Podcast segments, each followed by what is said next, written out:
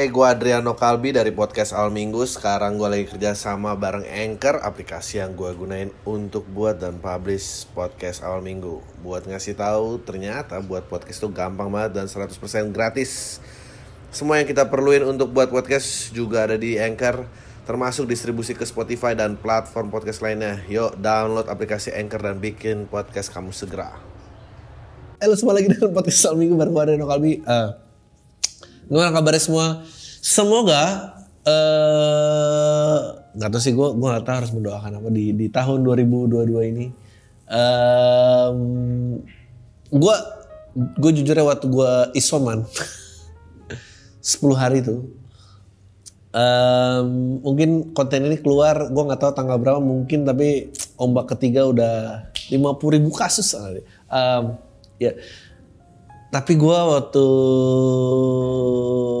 akhirnya negatif lagi gitu ya gue tuh merasa kayak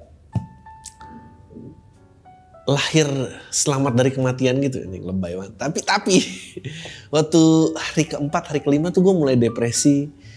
Eh, bukan depresi eh, ya depresi kayak gitu sih kayak aduh bagaimana bagaimana hidup ini kelanjutannya bagaimana kenapa semua orang ignoran di luar sana tapi uh, ya gelap banget men. Tapi sekarang tuh kayak setelah keluar dari lubang jarum kematian ini ya ampun. Gue jadi kayak nggak bisa bikin rencana apa apa kayaknya aduh kayaknya hidup tuh nggak boleh berencana ya. Kita jalanin aja apa yang ada. Gue mau bilang 2022 semoga apa yang positif juga kayaknya tidak baik. Berharap mendingan kita melihat aja kesempatan apa yang ada. Dan dan dan bersabar. Anjing udah kayak lama-lama di podcast jadi nasihat-nasihat ustad. Oke, okay. um, gue tuh pengen mulai ini dari mana? Sebetulnya gue gue nggak mau berkomentar terhadap kasus yang baru saya terjadi. Uh, karena kalau mau tahu komentar gue tentang gue kasih clue-nya uh, sosial dan justice, sosial justice. Karena karena karena karena karena gini, satu kalau lo mau tahu lo harus datang ke acara gue yang off air. Kenapa harus off air? Karena gue tidak mau menyebarkan sensasi. Dan akhirnya yang gue maksudkan sebagai joke itu diubah menjadi statement. Dan udah missing the point deh. Pokoknya intinya gue hanya yang boleh dikonsumsi dari gue di luar sana adalah uh, pekerjaan gue yaitu uh, dalam hal ini komedi. Gue kenapa nyebutnya pekerjaan karena karya tuh kayaknya pretensius ya. Van Gogh juga waktu ngelukis dia nggak bilang saya sedang berkarya, nggak ada. karya itu yang nentuin uh, penontonnya yang mengkonsumsi ya. Dia rasa, gua rasa dia hanya mengekspresikan saja atau memang itu pekerjaannya dia.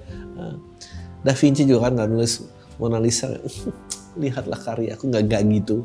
Uh, banyak banyak bahkan dari karya Da Vinci uh, itu merupakan commissioning project berarti itu emang di order dan dibayar. Uh, jadi pekerjaan aja. Lalu kita yang menganggap itu karya anyway um, gue nggak nggak tahu harus ini ntar oh tidak berpihak kepada korban lah. Uh, tapi yang jelas si kalau nggak salah nih ini kalau nggak salah ya karena gue banyak salah. Uh, Socrates muridnya Plato. Kalau nggak salah, tapi masih salah. Karena gue yakin orang-orang sering kayak enggak ini bener-bener pasti salah terus lah. Dia itu eh, tidak menyukai demokrasi karena menurut dia nanti akan ada dunia di mana eh, orang bodoh lebih banyak gitu. Lalu pada saat itu eh, demokrasi nggak works dalam mengungkapkan sebuah kebenaran uh, eh, gue menggunakan quote orang karena sebetulnya gue punya opini sendiri tapi gue takut diserang orang. Dan udah nggak jadi joke lagi gue cuma mau tell jokes people. Um, karena menurut gue opini itu nggak penting. Uh, opini itu ya bapak-bapak pengangguran komplek juga punya opini kan? Apalagi bapak-bapak pengangguran komplek mungkin adalah orang yang paling banyak opini tentang dunia. Karena itulah yang terjadi kalau memang anda punya banyak waktu luang uh, opini itu tidak penting. Yang penting itu uh, apa yang lo produksi, apa yang lo hasilkan. Um, jadi uh, sekarang jadi mengerikan sekali. Uh, gue nggak tahu bagaimana menanggulinya. And gue tidak mengerti kenapa waktu quote yang bilang bahwa suara rakyat adalah suara Tuhan, itu dia ngomong pada saat dia belum tahu Instagram dan Twitter.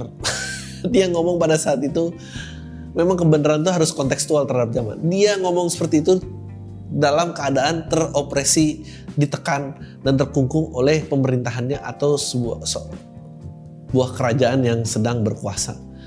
Uh, karena raja atau bahkan uh, negara suka mengatasnamakan Tuhan dalam bersuara gitu. Lalu karena sudah otoriter parah, barulah akhirnya social justice ini keluar. Itu satu-satunya jadi eh, hak membawa senjata api di Amerika waktu itu disahkan pada saat kondisi alamnya kalau memang ini tiba-tiba pemerintah berkuasa otoriter, rakyat harus melawan. Oleh karena itu mereka berhak uh, mempertahankan diri dengan membawa senjata api. Sebetulnya untuk uh, apa namanya hal-hal itu keluar diusung karena untuk membunuh uh, atau menghapuskan otoriter. Tapi kalau hanya ribut antar golongan, itu namanya gosip tetangga berantem sama gosip tetangga. Itu bukan sebuah keadilan. Keadilan sos jumlah itu eh, dipergunakan untuk melawan otoriter dalam mengungkapkan kebenaran. Kalau jumlah itu digunakan hanya untuk menggunakan kebenaran tanpa ada lawannya itu namanya konser. Jadi um, harus melawan opresi. Nah, siapa yang sekarang mengopresi siapa gitu? So ya gitulah kira-kira konsep. gue punya opini, gue punya joke bagus banget waktu itu tampilin di uh, show-nya Komedi Jangkis. Wih, um, dan dan gue jadi jadi jadi takut berbicara juga karena ntar belum masalah terasosiasi, belum masalah kenal, masalah apa. Pokoknya gue udah memutuskan tidak ada yang bisa mengorek point of view personal gue akan keadaan sosial politik yang sedang terjadi. Sudah ada. Itu, itu sudah tidak penting. Sudah tidak penting karena opini gue ini hanya seperti menabur garam di lautan. Kalau lu tanya apa opini gue, ini opini gue untuk tidak beropini. gue pengen menegaskan bahwa jumlah itu sebetulnya ya itu itu dia kenapa suara rakyat waktu itu begitu diagung-agungkan. Uh, gue rasa orang yang mengucap suara rakyat adalah suara Tuhan itu tidak hidup di zaman sekarang Uh, dia belum pernah melihat perdebatan sengit di status Facebook. Uh, dia tidak dibesarkan oleh orang tua yang punya WhatsApp grup keluarga. Uh, kalau ada juga ya ampun semua orang bisa ngomong kayak gini ya sulit. Oleh karena itu, jadi gue dalam podcast hari ini gue pengen membacakan tentang hal-hal uh, yang salah atau hal-hal naas sih yang diakibatkan oleh uh, sosial sosial justice yang terjadi di lingkungan kita. kita tuh dulu ada loh periode di mana uh, eh, orang disangka nyantet orang lain, rumah disatroni warga, bawa obor di arak-arak. Just because sekarang kejadiannya dalam bentuk digital bukan berarti itu berbeda dengan mengarak warga dengan membawa obor tengah malam. Oke, okay. ABG cari kucing diteriaki maling. Ini empat fakta pelaku pengeroyokan. Wow. Kasian. Padahal dia lagi nyari kucingnya, tapi diteriaki maling. ABG cari kucing diteriaki maling berujung tewas dikeroyok sekelompok pemuda di ya ampun. Gua nggak mau nyebut daerah nanti ntar gua disangka membenci daerah tersebut. Kejadian ini bermula di dari remaja ber- berinisial LEH yang tengah mencari kucingnya ya ampun. Namun dia tiba-tiba diteriaki maling oleh sekelompok pemuda tersebut. Pengeroyokan ABG cari kucing diteriaki maling ini sudah diamankan polisi, identitas mereka sudah dikantongi sehingga keempatnya pun menjalani hukuman. Hukuman apa yang akan membawa kembali si remaja yang sudah kehilangan nyawanya adalah mencari kucingnya. Sebanyak empat dari enam, berarti dua masih nggak ketemu ya. Tersangka berhasil ditangkap dan penyidik ada empat orang. Kemudian ada dua orang dinyatakan DPO. DPO itu apa sih? Kedua orang yang terlibat dalam kasus pengeroyokan mengakibatkan korban meninggal dunia. Ya. Berikut peran keempat pelaku pengeroyokan ABG cari kucing diteriaki maling yang berhasil diringkus polisi. Lelaki berinisial AB 21 berperan membacok ke- kepala korban ya ampun. Inisial RF membacok korban di bagian bahu. FH melakukan provokasi dengan teriak maling serta memukul ke bagian kepala korban dengan tangan kosong. 17 perannya ikut menganiaya korban. Emang kalau sedang diteriaki maling itu kayak lagi dikejar anjing ya. Jangan panik itu paling penting. kita, kita kita tuh harus harus bikin video tips di mana kalau ada kan ada prank tuh di Jepang tuh yang kayak dia jalan di gang tuh, ada warga lari rame-rame terus dia ikut panik. Nah, itu harus itu harus punya tutorialnya karena itu penting sih menurut gue penting di era sosial media yang udah nggak jelas ini. Saat itu kebetulan bawa senjata bawa senjata tajam karena mereka berencana untuk melakukan aksi tawuran di Tanjung Priok. Gokil. Dari hasil penelitian polisi menuturkan tiga dari empat pengelola yang positif menggunakan narkotika jenis sabu dan di bawah pengaruh alkohol. Ya ampun. Sabu mendapatkan mau bilang sabu memberikan pengaruh jelek padahal Anjing orang nyabu.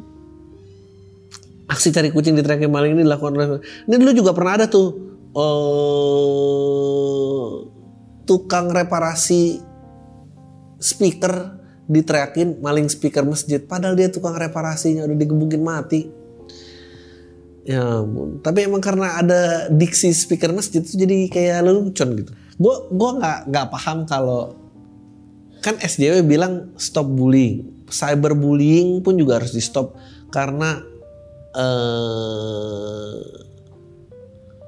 itu dapat mengakibatkan gangguan kejiwaan terhadap korban cyberbullying. Padahal itu juga caranya SJW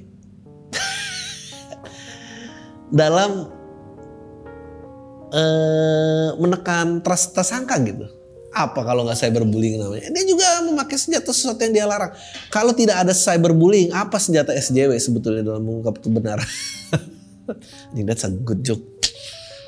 Kalau cy- cyberbullying tidak ada, apa senjata, apalagi senjatanya SJW dalam menekan tersangka ya.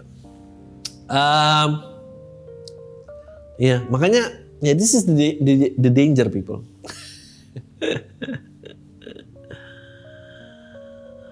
salah salah sangka dikira maling mobil ya ampun kakek 89 tahun tewas dikeroyok mas. Ya ini ini dia kenapa eh, stereotyping itu penting. Karena gue yakin secara statistik maling mobil tuh nggak ada yang umur 89 tahun sih. Itu kita kenapa eh, stereotyping itu penting karena hal-hal ini bisa terhindarkan kalau orang-orang menganut stereotyping. Tidak ada maling dalam insiden pengejaran tersebut. Mobil yang dikejar milik si pengemudi sendiri. Ya Allah, mobil yang dikejar milik si pengemudi sendiri. Ah Hasanul menyayangkan keliru sangka yang mematik emosi warga membuat pengemudi di kakek berusia 89 tahun berujung nyawa. Pertama sih sebetulnya hebat ya 89 tahun tuh masih bisa nyupir. Dia juga lagi ngapain sih keluar-keluar. Menurut keterangan keluarga, lansia E memiliki problem pendengaran sehingga diduga tidak mendengar saat ramai warga berteriak maling padanya. Detail berita apa ini? jadi, jadi dia kayak skate komedi ada yang mau bunuh padahal dia budak emang orang budak tuh masih boleh nyetir mobil ya kan nggak bisa diklakson jadi ya gitulah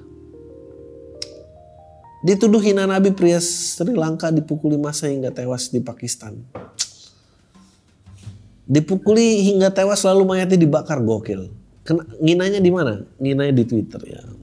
You know, ini beberita, beberita, beberapa, gue mau beberapa berita, beberita. Uh, yang menyeramkan dari social justice. gue nggak tahu mau ngomong apa.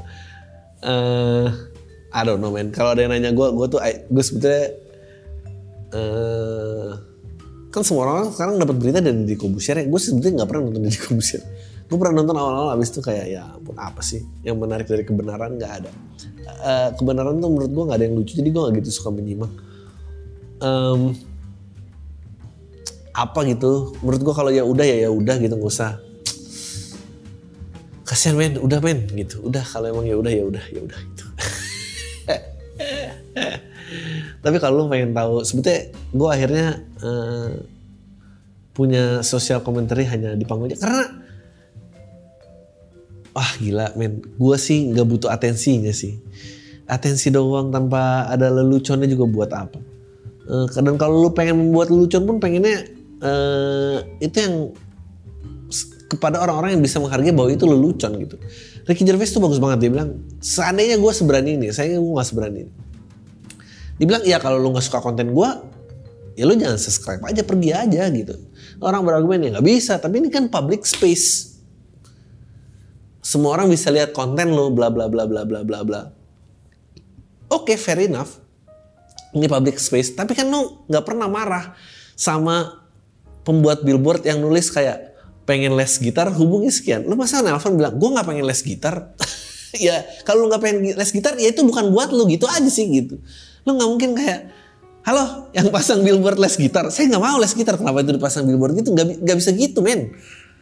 Lo kalau nggak ada ya move on aja dengan hidup lo. Um, gue juga lama-lama pengen gue gembok sebetulnya kalau Instagram.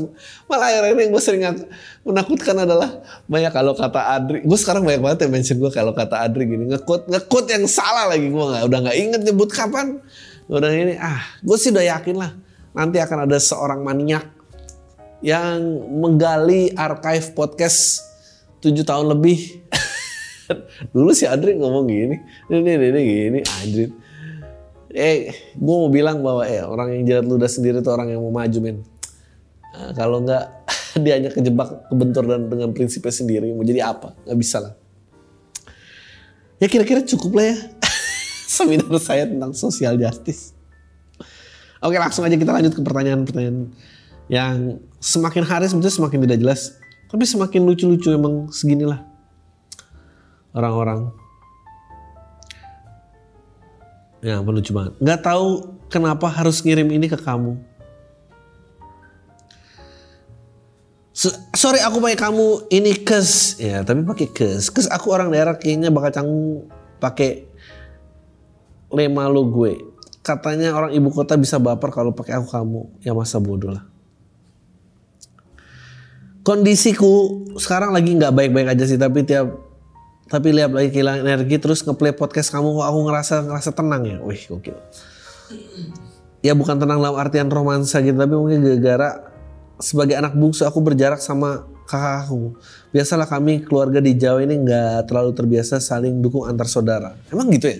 Anda baru saja menstereotyping seluruh keluarga Jawa. Emang emang keluarga Jawa nggak gitu dukung? Gua gua sih berharap keluarga gue juga gue tuh justru jujur ya gue tuh ngeliat keluarga yang terlalu kompak sebel gue apa sih lo nggak ada yang bisa jadi apa-apa anak-anak lu tuh menurut gue keberhasilan tuh emang yang individualis individualis gitu terbiasa saling gue tuh sekarang takut ya keluarga Jawa yang selalu tidak bisa mendukung anjing ntar ada orang Jawa yang tersinggung tahu mbak terus gue dipukulin gue cuma baca gue cuma baca bukan gue yang ah. tahu Barata Yuda kan itu kan konflik keluarga yang akhirnya jadi perang. Mungkin pas ketemu ocehanmu aku ini ngerasa ketemu sosok kakak sendiri yang selama ini nggak aku temuin di keluarga sendiri ya. Kamu udah bisa spill cerita soal relationship sama saudara-saudara nggak sih bang di show? Terakhir makasih ya buat podcast selama ini sebenarnya ada teman walaupun nggak dalam kondisi yang disosok dalam kondisi yang disosok. Hah? Seenggaknya ada teman walaupun dalam kondisi yang disosokkan. Kenapa pakai kontradiktif sih pakai walaupun? Semangat terus sukses bang, semoga dapat cepat dapat fame-nya. Ya. Eh, gue Adriano Kalbi dari podcast Al Minggu. Sekarang gue lagi kerja sama bareng Anchor, aplikasi yang gue gunain untuk buat dan publish podcast Al Minggu. Buat ngasih tahu, ternyata buat podcast itu gampang banget dan 100% gratis. Semua yang kita perluin untuk buat podcast juga ada di Anchor, termasuk distribusi ke Spotify dan platform podcast lainnya. Yuk, download aplikasi Anchor dan bikin podcast kamu segera. Semoga lu juga ngomongnya makin jelas sih. gue coba menarik emang emang keluarga di Jawa doang yang gak saling dukung? Keluarga apa yang saling dukung? Keluarga yang gak suka amat biasanya kok garing gue gak tau oh iya. Oh namanya pendengar pam rare oke. okay. Jangan sebut nama gue, gue cewek umur 21 tahun sesuai dari subjek email ini gue kayaknya emang pendengar PAM yang paling yang rare spesies bang. Jadi gue baru saja lulus kuliah S1 kedokteran di salah satu universitas Jakarta. Mantap.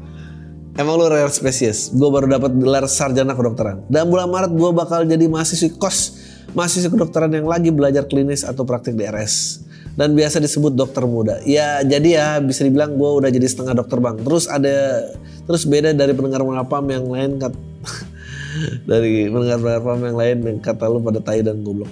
Gue emang anaknya baik-baik aja dari lu bang, gak pernah mau aneh-aneh. Pokoknya alim lah bang. Bang, jadi walau umur gue 21 dan lu suka ngata-ngatain gue masih bocah, tapi to be honest gue suka banget cara pemikiran lu bang. Yang menurut gue selalu realistis dan rasional. By the way gue dengerin Pam itu dari sejak awal-awal pandemi bang. Dan tahunya dari Emilio gue dengerin Pam awalnya waktu semua kelas jadi online dan jadwal kelas praktek atau keterampilan lagi temporarily dihilangkan dan gue bisa dibilang pada saat itu punya banyak waktu luang buat selain buat belajar. Jujur aja gue sebenarnya sempat ngerasa agak aneh sih bang kenapa bisa sampai akhirnya addicted dengerin Pam. Emang sih pas lu ngebahas-bahas news sama pas berbagi pemikiran itu di awal gue suka sebenarnya suka banget tapi ya pas lu bacain email itu bang ha email rata-rata tentang begituan. Bang maaf ya bang gue jadi bahasa bahasa panjang banget sampai beneran masih. Jadi sebenarnya lewat email gue pengen dengar thoughts lu sama minta saran lo oke. okay. Jadi gue rencana abis gue dapet gelar dokter gue bakal sempatin terusin kuliah spesialis bang dan ini didukung banget sama bokap gue dan nyokap gue. Kuliah spesialis gue targetin sampai lulus 4 5 4 setengah tahun bang. Nah gue tuh bingung bang. Secara kan gue cewek gue sebenarnya pengen nikah sebelum umur 27 bang. Menurut lu mendingan gue lanjut spesialis dulu atau gue nikah punya anak dulu bang. Abis itu baru ngurusin kuliah spesialis. Sebenarnya minta maaf kalau kebanyakan. Lala. Oke, menurut gue kuliah dulu. Uh, dan lu di bidang yang bener untuk kuliah S2 itu ngambil spesialis um, mumpung orang tua lo masih ada uh, nanti kalau lo nikah belum tentu maskulinitas suami tidak terancam karena istri lebih pintar ntar lebih pintar. Aduh banyak lah mendingan udah kuliah aja. Kalau lo mau menikah pun juga menikahlah dengan orang-orang kok, kok banyak. Menikah dengan orang yang uh, bisa mendukung kemajuan lo Uh, karena banyak orang yang kelihatan gentle tapi padahal dia insecure. Jadi hati-hati terhadap orang-orang tersebut. Uh, ya itu aja sih. Itu kayak cukup straightforward ya. Gue nggak tahu sih apa yang lu suka dari pemikiran gue. Semua juga bisa jawab itu sebenarnya. Cewek nggak nyambung. Oke bang, gue mau cerita tentang kekesalan gue sama cewek kalau kita bilang suka sama dia. Jawaban dia malah nggak nyambung anjing kan gue pernah nih bang deket sama temen cewek gue terus gue suka gue terus gue mau nembak dia. Nah gue bilang dah tuh kalau gue suka sama dia. Oh, terus jawaban dia cuma oh so sweet. Gitu doang. Anjing banget dah. Besok gue nongkrong sama temen gue si temen gue ini rada diri gue gitu bang ke cewek. Cie yang kemarin baru nembak cewek. Nah kan gue kaget. Kok si anjing ini tahu? Ternyata dia nggak ngaku dikirimin screenshot chatan gue sama cewek itu dan cewek ini nyuruh nanyain ke gue kalau gue ini serius sama bercanda doang. Kan anjing ya? Kenapa lo aja bilang langsung ke gue kenapa malah chat kita lu screenshot dikirim ke temen gue bangsat anjing bang. Abis itu gue malu abis gue diceng-cengin abis gue sama cewek itu jadi nggak pacaran. Nggak jadi apa-apa berdoa jadi malu doang saat sekian bang. Terima kasih udah baca lah udah tanggung main udah malu. Mendingan lu tanya. Eh mendingan lu bilang ya mending lain kali jangan screenshot screenshot gini. Bagus cuman yang bakal lagi pap yang lain. Ya ampun. Uh, ya udah sih menurut gue udah malu gitu. Mendingan lu tanya aja daripada malu nggak dapet apa-apa sekarang. Mendingan tanya men anjing ini ngasih attachment lagi. Ntar lagi ya.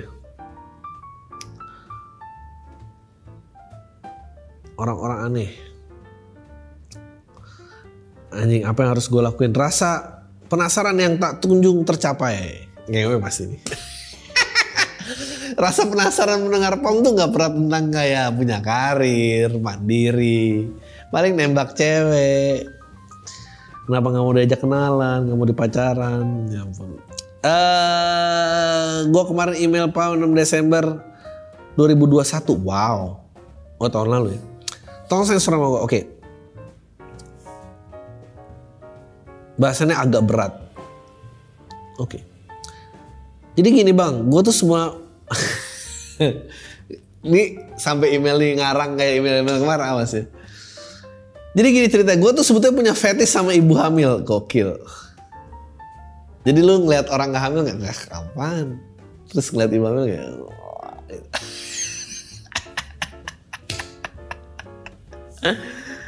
Aduh.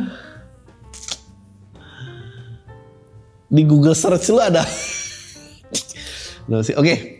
Entah kenapa ya kalau gue lihat Bumil suka bikin lebih aduh. Walaupun pakainya sopan ampun. Sebenarnya di Twitter ba banyak anjing serius loh sebenarnya di Twitter banyak BO Bumil ya ampun. Menurut lu gue ya menurut lu gue harus coba apa enggak? Menurut gue please coba. Gue pengen tahu dengan. Gue gini banyak dosa-dosa dalam hidup yang menurut gue tuh ya ampun itu sih pantas banget ditulis dosa. Dan gue gak akan pernah berani terbesit di pikiran gue penasaran aja nggak berani. Jadi kalau ada orang-orang yang punya rasa penasaran please gue pengen gue pengen denger. Paling nggak siapa tahu bisa jadi edukasi buat orang-orang lain biar nggak melakukan dosa yang sama. Paling nggak segitu aja lah.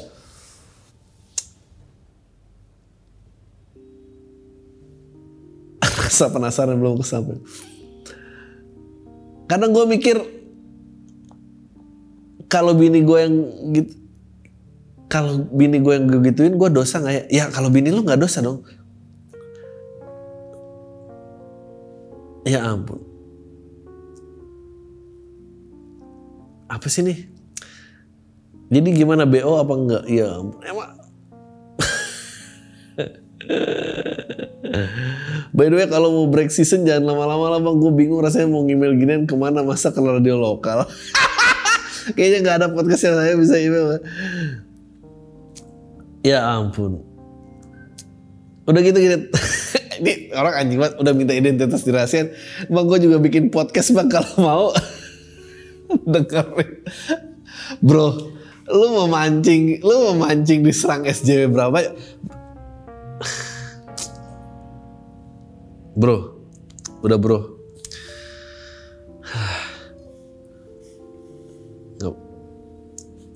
Gue gue nggak sanggup bereaksi apa apa.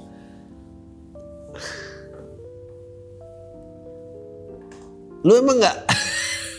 gue tuh mau bilang, lu tuh lu kayaknya pasti gue tebak lu pasti nggak punya, lu nggak pasti nggak punya adik gue rasa. Tebak ini tebakan gue ya, lu nggak punya adik. Karena kalau lu punya adik, lu pernah menyaksikan ibu lu tuh hamil. Jadi kalau lu tahu itu ibu lu pernah melalui masa itu, mestinya sih ya, bro, lu kalau lu tanya gue jangan istirahat biar lu bisa ngirim email kayak gini, mendingan lu email psikiater kayaknya. Kayak, kayak gue gak tau men, lu masih punya teman gak sih? Apa? Aduh kalau punya pasangan, siapa pun pasangannya, mending udah lari aja. Karena sebetulnya dia nggak nafsu sama lu. Karena dia lebih nafsu. Ya, motor. Oke. Ngedeketin cewek setelah sekian lama. Ya. Gue mau curhat dikit tentang apa yang gue alami salah satu bulan terakhir. Gue seorang mahasiswa universitas cukup ternama di Bogor. Gue sendiri bukan tipe mahasiswa yang ikut organisasi maupun aktif secara sosial. Gue juga loh. Gue tuh kalau ngeliat organisasi kayak orang tuh ngapain sih kumpul. Uh, baru bulan kemarin sekitar November ada proyek akhir mata kuliah yang meneruskan gue mengharuskan gue untuk berkumpul dengan teman satu kelompok gue dan saat gue kumpul mengerjakan proyek tersebut gue akhirnya kenal sama salah satu cewek awalnya gue sebenarnya gak ada niatan untuk deketin dia namun setelah ngobrol-ngobrol gue rasa dia anaknya asik untuk diajak ngobrol selalu nyambung dan gak boring pembahasannya. Singkat cerita gue sama dia dia deket banget teleponan hampir tiap malam dan chat cukup intens. Saat lagi deket-deketnya gue udah ngerasa gue gak sekedar suka lagi sama dia tapi sayang. Dari yang gue lihat dan rasa dia juga punya perasaan yang sama buat gue suatu saat gue lagi bantu dia nugas lewat Google Meet dan setelah tugasnya selesai seperti biasa gue sama dia ngobrol lalu dia bilang gini bang kita bisa gak sih tetap kayak gini aja tanpa status apa-apa? Setelah dia bilang di situ gue di, cuma setelah dia bilang gitu gue di situ cuma bisa ngerasa hati gue kayak diacak-acak bang. Setelah gue tanya-tanya dia bilang masih nggak mau buka hati karena masih kecewa dengan sebelum-sebelumnya. Dan dia masih ada rasa kasihan dengan mantannya. Akhirnya gue memutuskan untuk ikutin cara main dia ini bang. Tanpa status. Menurut lo langkah gue ini bener gak sih bang? Kalau misalnya gue tetap dekat sama dia tanpa status boleh dicium gak? kalau ya udah boleh lah. Uh,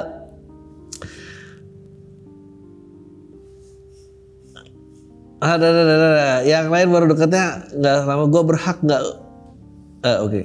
kalau misalnya gue tetap deket sama dia tanpa status tapi dia jadi sama yang lain yang baru deketnya nggak lama setelah gue berhak nggak untuk ngejawab dia? Berhak men lu orang bebas men. Berhak berhak aja. Soalnya kalau misal gue sama dia akhirnya nggak jadi gue nggak mau gue ngejauh gitu bang dari dia. Ah lu juga sama aja bucin Uh, menurut gua ya ya pergi aja. menurut gua pergi menurut gua kalau gua nih kalau gua gua akan ikut permainannya sampai gua nggak tahan dan di situ gua akan ketok palu. Lu nggak mau gua out meskipun sakit dan tertati-tati. Cuy, gue tuh 30 lu tau gak kenapa gue pengen break? Karena gue tuh 37 tahun masih harus membacakan email-email orang ngedeketin cewek nggak mampu. Meskipun itu email tidak sesakit sama orang yang nafsu sama ya kan. gue nggak tahu harus apa. Ini nih yang bikin kayak ya Allah manusia tuh mati aja semua. Lu tau gak sih kenapa covid tuh ada? Jangan-jangan lu covid tuh azab buat orang-orang kayak gini sebetulnya. Uh, ya gitu. Uh,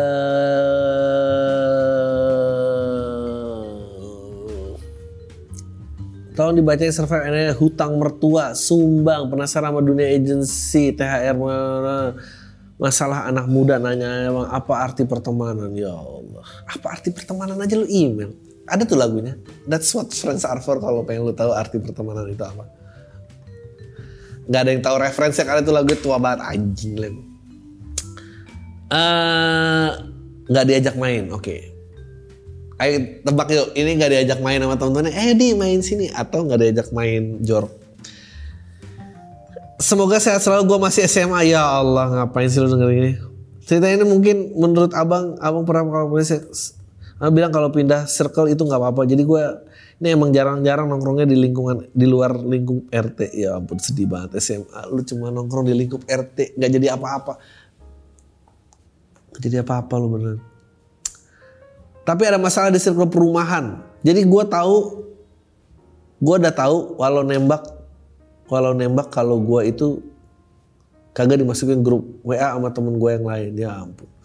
Ada temen gue dari kecil samping rumah, tapi kalau berdua habis anjing lucu banget nih. Oke, oke, ini seru nih. Tapi gue udah tahu walau nembak kalau gue langsung grup WA sama temen gue yang lain. Oke, ada temen gue dari kecil samping rumah, tapi kalau berdua ya abis terus topik jadi singkat-singkat. Cerita waktu lagi ngumpul-ngumpul hari ini, yang lagi pada main HP. Nah, gue emang beda sendiri dari yang lain.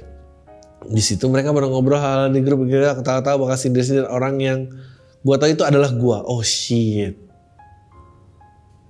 Gue gue nggak tahu ya pressure pertemanan lingkungan komplek kayak apa.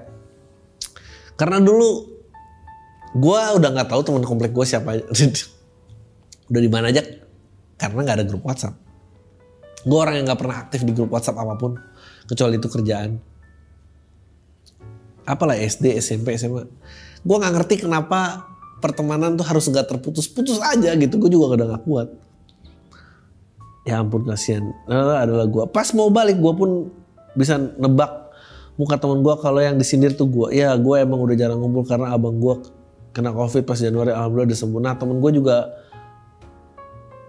adalah yang anti covid nah anjingnya ada temen gue selama ini di pesantren tapi masuk grup itu juga. Temen samping rumah gue juga masuk ke grup kayaknya tapi dia masih jaim lah pas itu. Untuk abang gue harus gimana? Tetap ngumpul atau langsung buang aja gitu? Tapi kalau gue buang gue juga bingung mainnya siapa. Paling balik ke temen SMP anjing ini sedih banget ya. SMA karena gue sih SMA udah gak main sama teman komplek. Karena SMA tuh lebih menarik lingkungan di luar sih daripada di komplek. Gue nggak nggak nggak tahu sih kenapa ada orang masih bersahabat di komplek lama banget. Gue agak kalau nggak ke mana-mana? Buat gue sih agak kayak gitu ya. Gue belum pernah lihat contoh orang sukses tiga orang ya. Kita dulu sekomplek bareng. Nggak ada men. Jadi harus apa? Ngapain lo ada di situ gitu? Dan gue gini dulu gue yakin gue tuh dulu gue sih yakin ya gue tuh dulu sering diomongin. Tapi yang oh, indah adalah gue tuh nggak tahu. Dan ya gue nggak tahu. Gue nggak diajak pergi. Ya gue nggak tahu. Ya udah gue nggak tahu aja. Kelar masalah sampai situ gitu. Nggak ada jejak nggak ada nggak ada postingan temen. Jadi gue tahu nggak diajak nggak diajak tuh adalah hal yang paling menyedihkan sebetulnya kalau lu tahu kalau lu nggak tahu mah ya ya udahlah Ya gak sih? Ya gitulah kira-kira. Ini sedih banget. Sedih banget loh ya. Oke, kisah tai yang berada di kolamnya yang ingin berbagai cerita dengan Raja Tai. Halo dada, gue pengen cerita bang tentang pacar gue cewek yang gue yang lebih muda 6 tahun. Gue kenal doi dari Instagram waktu itu salah satu brand lokal tas yang lagi ngepost story doi yang lagi pakai tas tersebut. Kebetulan gue lihat storynya karena emang gue suka sama tas-tasnya. Dari sinilah awal mula gue bisa kenal dia berawal gue DM dia cuma nanya soal artikel tas yang dipakai kemudian gue beli juga bukan karena pengen ikutin tapi dia tapi karena emang gue lagi ngincer tuh tas sejak itu kita di DM DM terus lalu kita ketemu selang seminggu dan kita langsung jadian karena dia yang nembak gue dia pacar pertama gue by the way gue usia 27 tahun Hah? lu tuh cewek apa cowok sih lu cewek ya kayaknya dia pacar pertama gue by the way gue 27 tahun gue selama ini nggak pernah pacaran karena kalau emang kalau lagi deket sama cewek ya udah deket aja. Oh lo cowok oke. Okay. Kayak TTM gitu bang. Pernah FWB sekali. Bangsat TTM sama FWB sama bangsat. Apa bedanya TTM sama FWB? Mesra doang nggak ada benefit. gue mikir buat apa pacaran? Jadi gue nggak pernah mikirin sama cewek. Oke, okay. gue meski udah umur segini gue belum pernah main main sama. Gue masih pengen terbebas dan bahagia aja untuk sekarang. Karena menurut gue menikah itu nggak bahagia di saat gue sudah harus melerakan kebahagiaan gue sendiri demi orang lain. Tanggung jawab dada dada dada ya. Gue heran kenapa teman gue belum nikah main main padahal gue dalam hati oke. Okay. balik ke kisah cewek gue ini lu ditembak cewek gara-gara lu nge DM tentang tas oke. Okay. dua bulan pertama gue tiap minggu selalu nyamperin dia dan gak pernah absen. Just info jarak gua dan cewek ini kurang lebih perlu menempuh 5 jam untuk pulang pergi. Gokil. Gue dan cewek gue udah jalan 6 bulan. Sempat break up di bulan ketiga. Masalahnya dia pengen diapain terus setiap minggu. Sedangkan gue ngerasa gue perlu me time atau gue pengen nongkrong atau gue di weekend. Dia pernah minta diajak untuk diajak nongkrong bareng teman gue cuma ngerasa bahwa timingnya belum tepat untuk sekarang karena bilang baru untuk hubungannya ditambah atau sendiri bantu nongkrong itu obrolannya cowok-cowok. Jadi gue bilang ke dia nggak bisa sekarang dulu. Kita putusnya pun dia pengen 100% waktu weekend gue itu bareng dia. Dia bilang gue bahwa gue nggak bisa karena gue perlu waktu untuk temenin dia. Tapi selang seminggu kita balikan lagi karena dia datang ke rumah gue yang menurut gue cukup jauh campurin terus nangis minta balikan. Pasti ngewe habis uh, sampai saat ini gue ngejalanin hubungan kita ini dengan bagi waktu gue 25% buat temen gue ada 70% buat dia. Tapi kadang dia masih komplain juga buat ini bilang kalau gue nggak ada waktu buat dia. Padahal dari dulu sampai sekarang gue di weekday pun selalu chattingan video callan paling nggak satu jam. Sering kali kita nobar via Netflix teleparty zoom biar kameranya nyala. Gokil! Kadang gue ngerasa bahwa gue udah berikan terbaik buat dia tapi dia ngerasa bahwa gue kurang dalam memberikan servis buat dia ya. Gue juga memberikan servis yang terbaik. Kenapa servisnya PK ngutip terbaik gue doi pun emang suka banget masa emang suka banget untuk masa weekday pun sering bahas soal beginian. Beginian apa sih? Emang dia emang kayak agak bersemangat dalam hal-hal yang seperti ini. Apa sih? Jorok ya? Kalau gue nggak datang satu weekend ya karena dia suka ngambek gue suka cari pelarian gitu kayak pergi-pergi ke mana gitu buat ngalahin perhatian dia. Padahal gue mikir nih anak nggak bisa apa diem di rumah dulu. Soalnya hampir tiap kali gue nggak datang dia selalu keluyuran gitu. Gimana? Gue nggak ngerti apa karena dia udah terobsesi banget sama gue atau gimana untuk masalah lain doi juga cemburuan gitu bang di Instagram gue kan emang suka ngepost foto OOTD yang komen jelas banyak cewek-cewek gitu bang. Wow. Kok gue kalau posting foto OOTD sih ketahuan baju gue di lemari cuma berapa. Pakai cuma itu itu doang kok.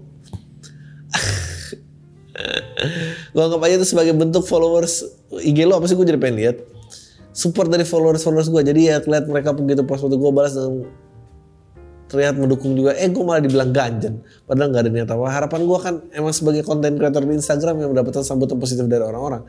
Tentu gue akan melakukan hal, hal serupa kepada followers gue juga tipe orang yang kadang yang sendiri aja tuh nggak masalah. Sempat jomblo bertahun-tahun pun nggak masalah. Di rumah ngapa-ngapain kalau weekend di nggak masalah. Apa ini? Nggak gue tahu. Terus gue nggak mau ketemu dia terus diselingin sama tahun dia pikiran jenuh aja gitu bang. Gue gak punya pikiran sama sekali buat selingkuh atau dekat sama cewek lain. Karena gue mikirnya aja punya pacar satu aja pusing banget kayak gini gimana? Dari kanan kiri. Gue emang masih sering main game intinya gue nggak ada kesibuk ada kesibukan untuk menghibur diri gue gue juga udah diajar gue ajarin main online untuk ketemu teman baru di game online gathering meetup juga. Tetap aja harus kayak begitu.